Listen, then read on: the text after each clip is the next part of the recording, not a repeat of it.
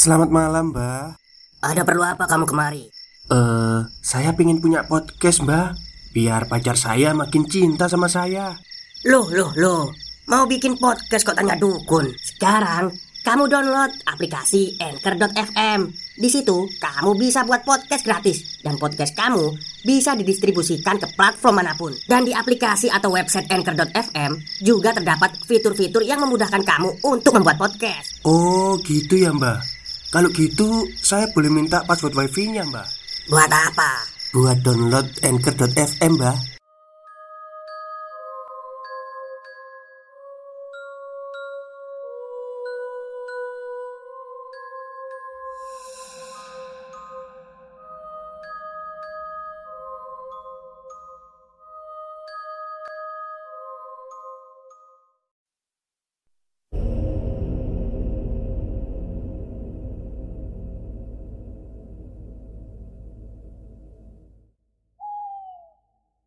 Assalamualaikum warahmatullahi wabarakatuh. Halo semuanya Jumpa lagi dengan saya Chow Sing Sing Kurator dari Podcast Horror Night Story.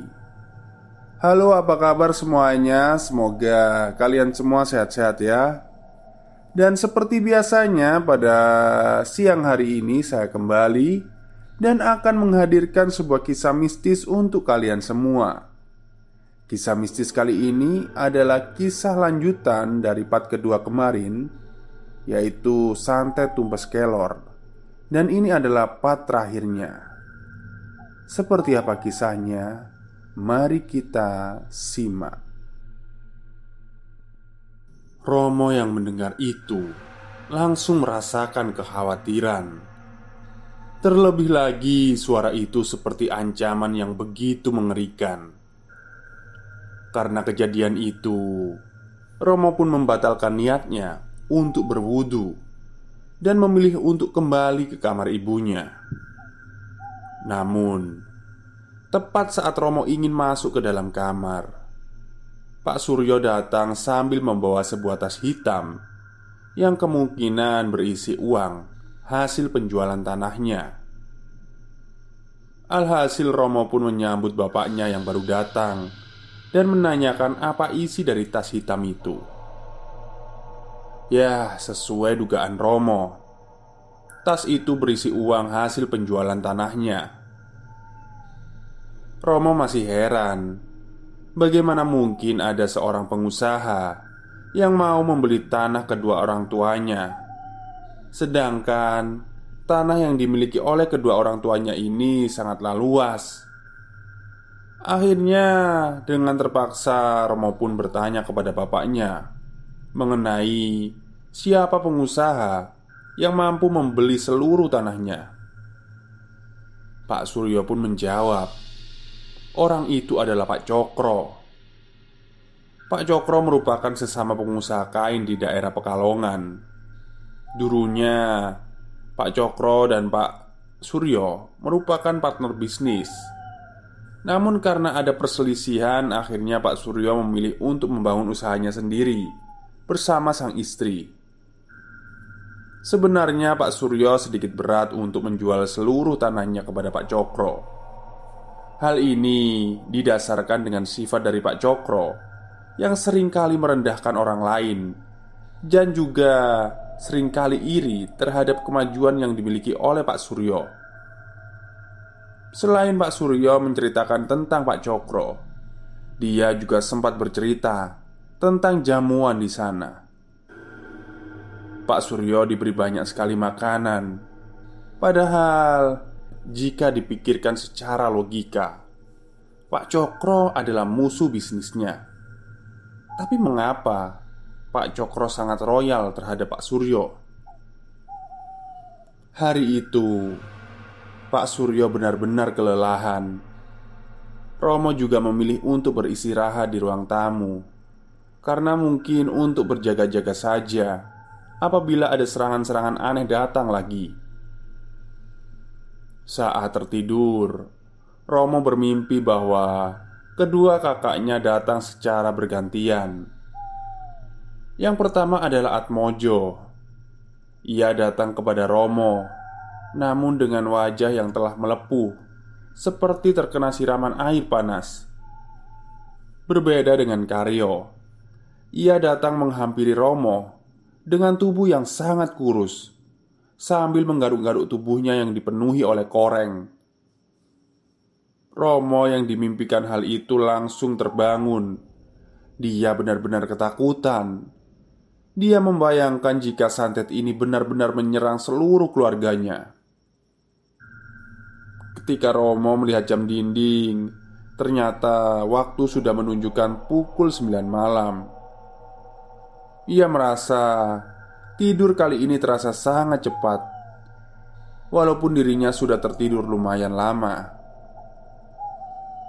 Romo pun mencoba untuk mengecek kamar ibunya. Ia masih penasaran apakah ibunya telah terbangun. Romo pun mengetuk kamar kedua orang tuanya.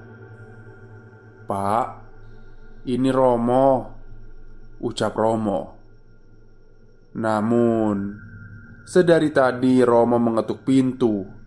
Tak ada jawaban sama sekali Dari dalam kamar kedua orang tuanya.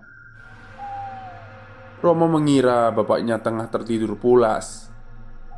Dia ingat Jika bapaknya Baru saja menemui Pak Cokro Untuk menjual seluruh tanah milik keluarga Romo pun kembali menuju ke tempat semula.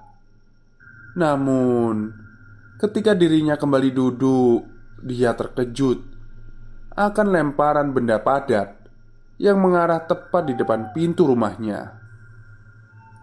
Karena penasaran, Romo pun membuka pintu itu. Romo mencium bau bangkai tikus, sama halnya seperti bangkai tikus yang ia temui di kamar mandi. Dan entah mengapa Pandangan Romo mengarah ke sebuah benda Yang sama seperti saat ia temui di kamar mandinya. Benda itu adalah sebuah kain putih yang diikat Dengan bercak darah Yang berada di kain itu. Romo pun langsung membuka kain itu.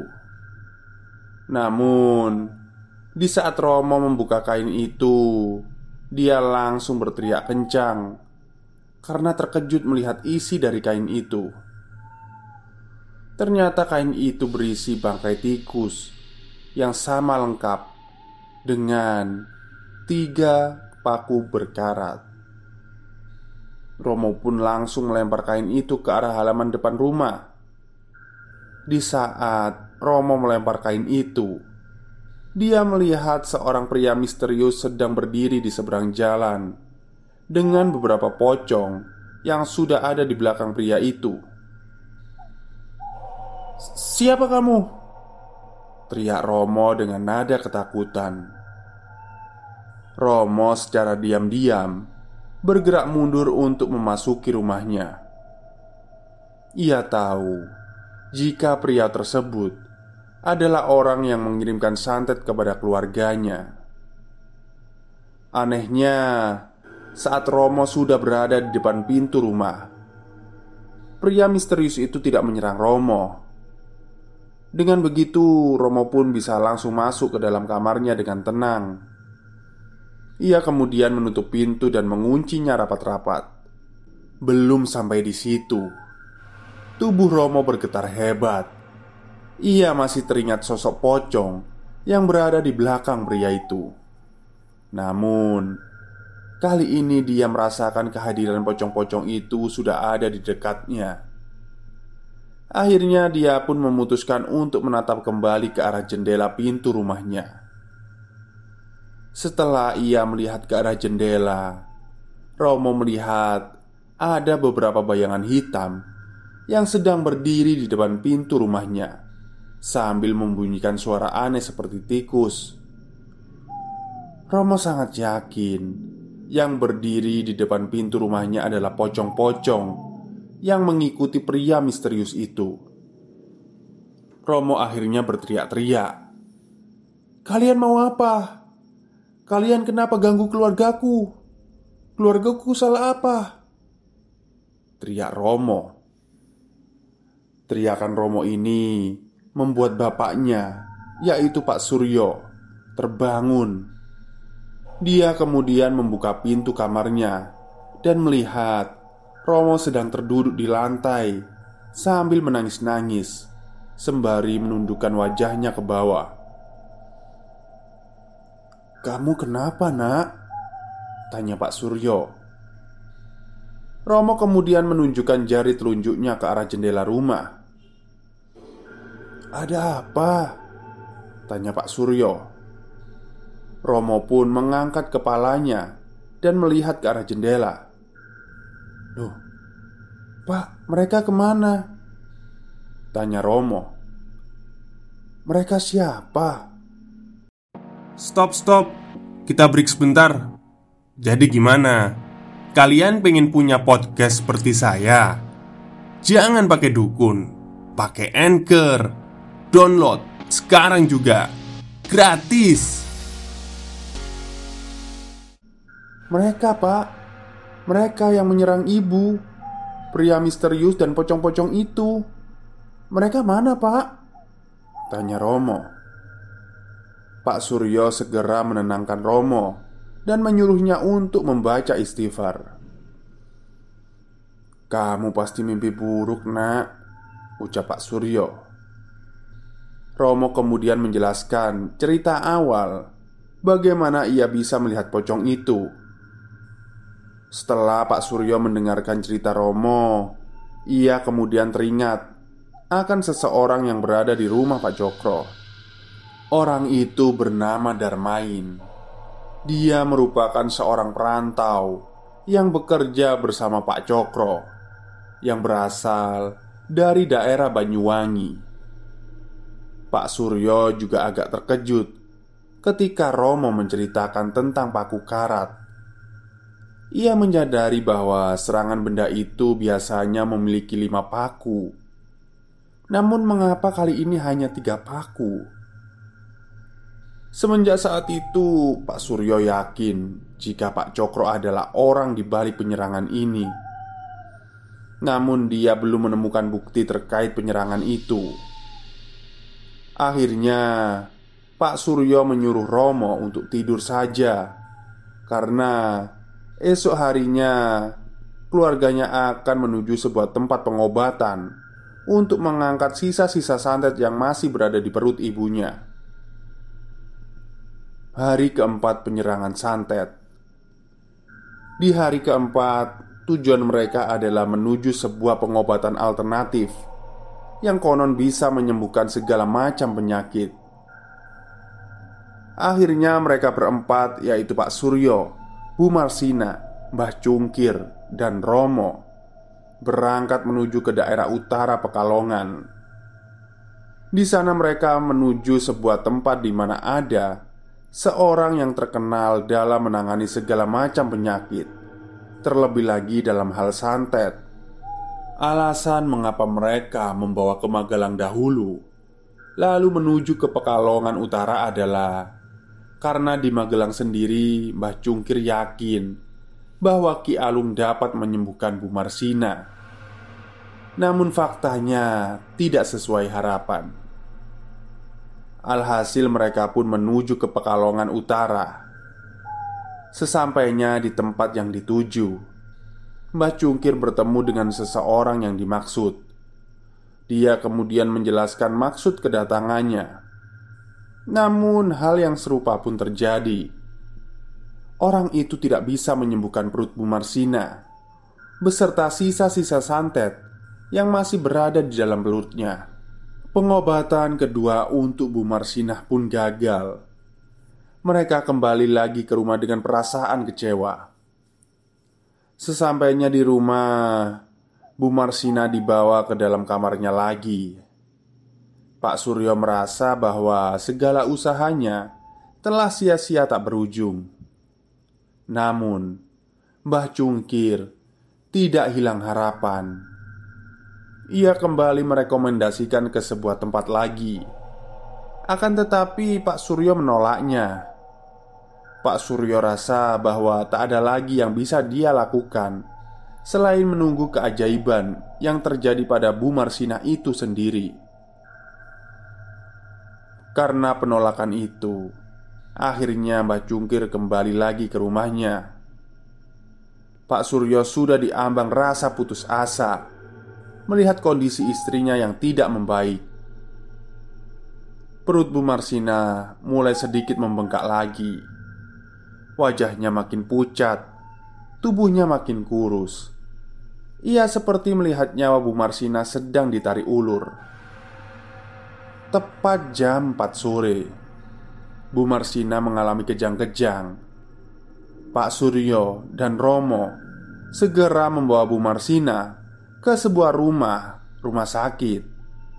Namun sayangnya, nyawa Bu Marsina tidak tertolong. Dia menghembuskan nafas terakhirnya dengan kondisi yang sangat mengenaskan. Kematian Bu Marsina ini membuat warga di sekitaran rumahnya menjadi geger. Mbah Cungkir tidak percaya bahwa Bu Marsina sendiri akan menjadi korban pertama dari penyerangan santet itu. Rumah Pak Suryo pun ramai akan warga. Banyak warga yang bertakziah di rumah Pak Suryo, dan salah satunya adalah Pak Cokro bersama Darmain Pak Cokro dan Darmain mengucapkan rasa berbela sungkawa kepada Pak Suryo. Ada yang aneh ketika Pak Cokro dan Darmain mulai memasuki rumah Pak Suryo. Salah satu anak warga yang ikut dalam takziah itu tiba-tiba menangis saat ia melihat sesuatu di belakang tubuh Darmain. Anak kecil itu berteriak ketakutan hingga membuat suasana haru di rumah Pak Suryo menjadi kacau. Dia berteriak, "Bu, ada setan, Bu, ada setan!" Teriak anak kecil itu sambil menunjuk jari ke arah tubuh Darmain. Ibu dari anak itu langsung membawa anaknya keluar dari rumah Pak Suryo. Romo yang melihat anak kecil itu semakin yakin jika Darmainlah pria misterius yang mendatangi rumahnya pada malam itu. Sebelum pemakaman dilakukan, Pak Suryo masih menunggu seseorang. Dia masih menunggu anak-anaknya yang masih berada di perantauan, yaitu Atmojo dan juga Karyo. Dan benar saja, Atmojo dan Karyo pulang ke rumah. Keduanya lalu menangis dan tidak percaya bahwa ibunya telah lebih dulu meninggal dunia. Hari itu hari yang paling menyakitkan bagi keluarga Pak Suryo beserta anak-anaknya. Dia bukan saja tidak bisa menerima takdir yang telah ditetapkan, namun cara kematian ibunya yang tidak wajar membuat mereka merasakan kesedihan yang mendalam. Setelah pemakaman Bu Marsina telah usai, mereka kembali ke rumah. Pak Suryo ingat akan perkataan Mbah Cungkir. Kelak, anak-anaknya akan datang ke rumahnya kembali. Dan memang benar. Tepat di saat Bu Marsina meninggal dunia, Atmojo dan Karyo pulang ke rumah. Akhirnya Pak Suryo pun menanyakan kepada Atmojo dan Karyo mengenai bisnisnya di perantauan. Yang pertama adalah Atmojo. Atmojo mengatakan bahwa bisnisnya yang berada di Jakarta sudah diambang kehancuran. Dia tidak tahu harus bagaimana lagi. Omset pendapatannya sangat menurun kala itu. Ia juga sempat menjelaskan kalau beberapa karyawannya banyak yang resign karena sering kali diganggu oleh sosok pocong yang berada di tempat kerjanya. Sama halnya dengan Karyo. Dia juga mengalami hal yang buruk Namun lebih parah. Toko Karyo mengalami musibah kemalingan Dan menyebabkan kerugian besar Dan membuat seluruh karyawannya menuntut pesangon mereka masing-masing. Pak Suryo yang mendengar itu tak kuasa meneteskan air mata Ia tak tahu ujian apa lagi yang dirasakannya hari-hari ini. Mbah Cungkir menyarankan agar Pak Suryo segera pindah rumah karena kemungkinan besar gangguan-gangguan itu datang kembali. Namun, bukannya memikirkan bagaimana caranya selamat, Pak Suryo memikirkan bagaimana caranya dia bisa kembali mengambil tanahnya yang telah ia jual kepada Pak Cokro. Menurut Pak Suryo, Pak Cokro sengaja melakukan ini agar dia bisa merenggut seluruh harta miliknya beserta kebahagiaan yang sedang ia rasakan. Malam harinya tepat pukul 10 malam Atmojo terbangun. Dia terbangun seperti orang mengigau Dan berjalan menuju ke arah dapur. Atmojo lalu mengambil air Dan memasukkannya ke dalam panci besar Atmojo kemudian menyalakan kompor dan memasak air itu hingga mendidih. Romo yang saat itu bangun Dia mendengar sesuatu dari dapur. Ia juga sempat terkejut Manakala Atmojo Sudah tidak ada di sebelahnya. Akhirnya Romo pun mengecek ke arah dapur. Sesampainya di dapur Romo melihat kakaknya yaitu Atmojo Sedang berdiri di depan panci besar Berisi air yang sudah mendidih Romo mengira kalau kakaknya ingin mandi dengan menggunakan air itu. Namun, sesuatu yang tidak terduga terjadi dengan cepat. Atmojo mengambil panci besar berisi air panas dan membalikan tubuhnya ke arah Romo sambil mengatakan, "Deloken, kowe bakal mati kabeh." Mas, kowe arep opo toh? Teriak Romo Teriakan Romo ini membuat Pak Suryo dan juga Karyo terbangun Mereka berdua buru-buru menuju arah dapur Dan melihat sesuatu yang mengerikan di hadapannya Atmojo langsung menyiramkan air mendidih ke seluruh tubuhnya Hingga membuat kulit-kulitnya melepuh Dan meninggal dunia saat itu juga Malam itu rumah Pak Suryo kembali ramai dengan warga. Belum juga kering tanah kuburan Bu Marsina.